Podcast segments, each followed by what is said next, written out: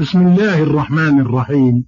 الحمد لله والصلاة والسلام على سيدنا رسول الله. أما بعد فهذه قراءات من صحيح البخاري بمع شرحها أيها السادة المستمعون. السلام عليكم ورحمة الله وبركاته. قال الإمام البخاري باب إذا لم ينفق الرجل فللمرأة أن تأخذ بغير علمه ما يكفيها وولدها بالمعروف. وروى في صحيحه بسنده عن عائشة رضي الله عنها أن هندا بنت عتبة قالت يا رسول الله إن أبا سفيان رجل شحيح وليس يعطيني ما يكفيني ولدي إلا ما أخذت منه وهو لا يعلم فقال خذي ما يكفيك وولدك بالمعروف.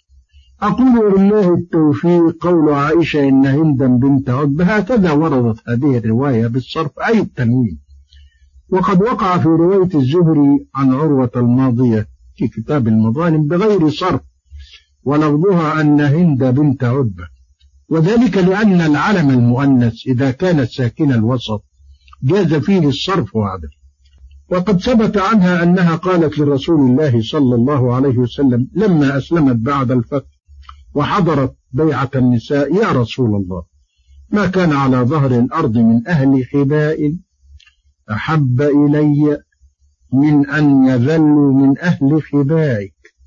وما على الأرض ظهر الأرض يوم اليوم أهل خباء أحب إلي من أن يعزوا من أهل خبائك فقال وأنا أيضا والذي نفسي بيده ثم قالت يا رسول الله إن أبا سفيان رجل شعير إلى آخره. ولما عرفها رسول الله صلى الله عليه وسلم قال لها وإنك لهند بنت عتبة؟ قالت نعم. فاعف عفى الله عما سلف.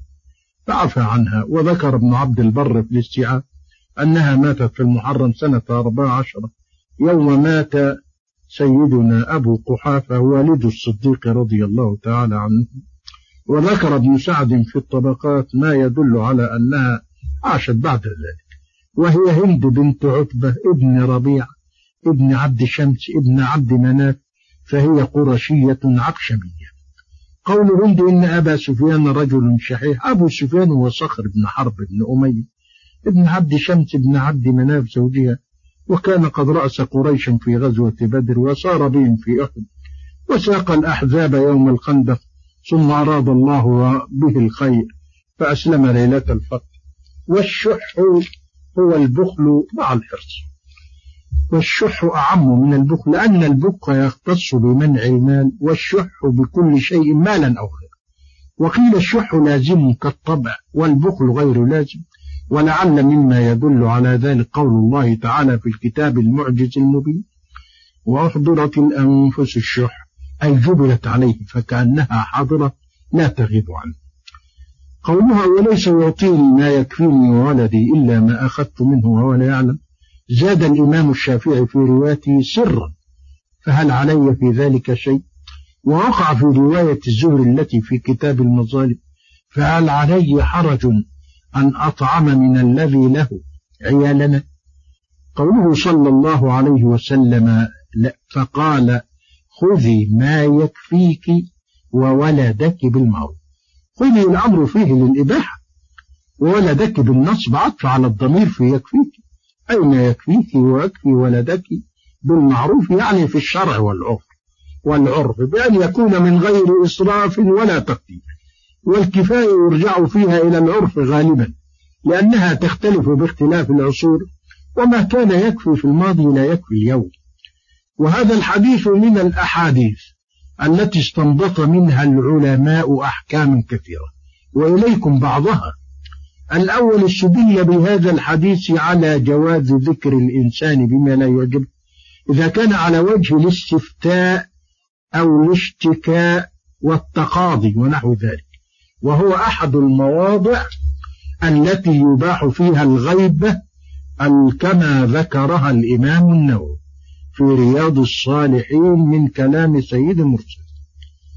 الثاني فيه جواز سماع كلام الأجنبية عند الحكم والإفتاء وذلك عند من يقول إن صوتها عورة ويقول جاز ذلك للضرورة. وأما عند من لا يقول إن صوتها عورة فالأمر ظاهر ولا حاجة لأن نقول إنه للضرورة.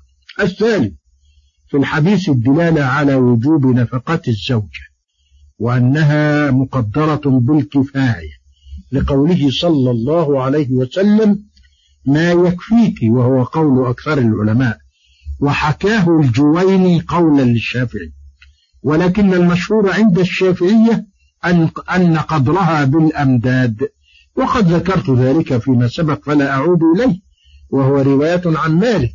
قال الإمام النووي في شرح مسلم وهذا الحديث حجة على أصحابنا أي الشافعية.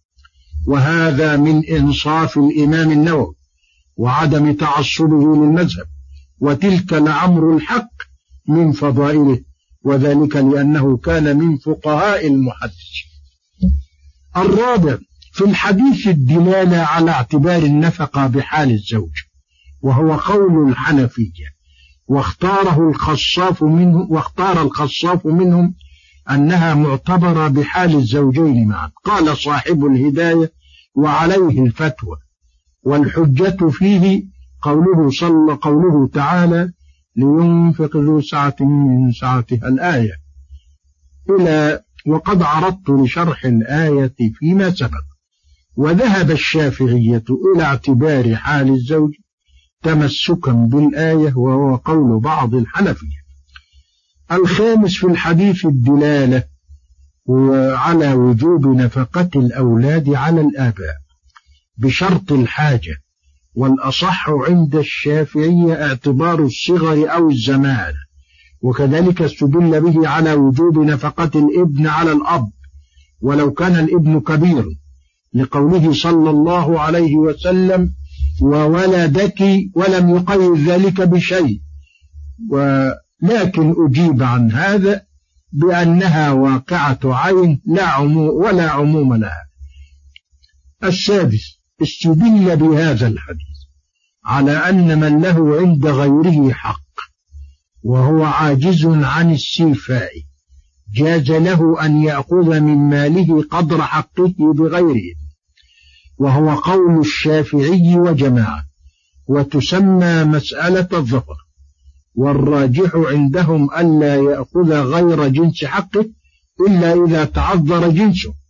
وعن أبي حنيفة المنع وعنه أيضا يأخذ جنس حقه ولا يأخذ من غير جنس حقه إلا أحد النقدين بدل الآخر فإنه يجوز. وعن مالك ثلاث روايات كهذه الآراء الثلاث. وعن الإمام أحمد المنع مطلق. السابع استدل بالحديث. على أن للمرأة مدخلا في القيام على أولادها. وكفالته. والإنفاق عليه. ورعاية مصالحهم واستدل به أيضا على اعتماد العرف في الأمور التي لا تحديد فيها من قبل الشرع. لأنه لا اتباع للعرف مع وجود النص.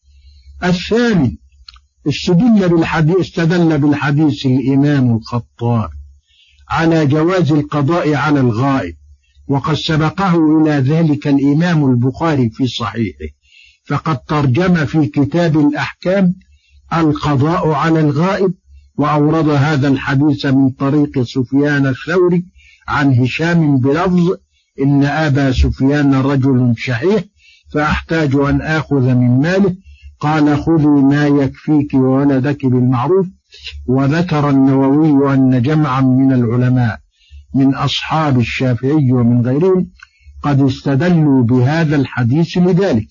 حتى قال الرافعي في القضاء على الغائب احتج أصحابنا على الحنفية في منعهم القضاء على الغائب بقصة هند يعني هند بنت عتبة السابقة.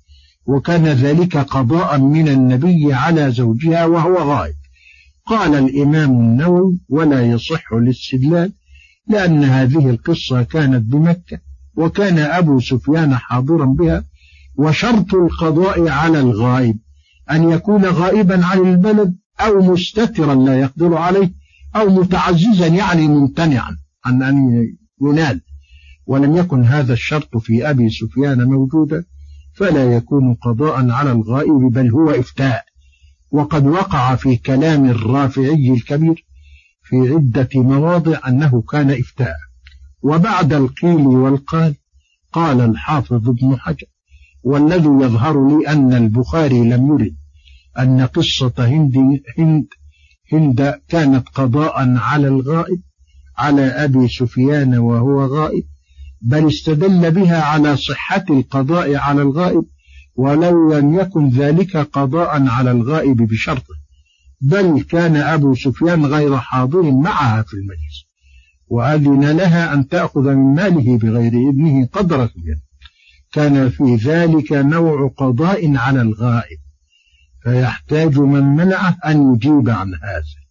وهذا الاستنباط ينبني على أن قصة هند أكانت قضاء أم كانت فتوى؟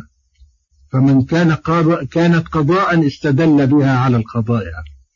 وأما من قال إنها فتوى فلا يتأتى ذلك الاستنباط والله أعلم.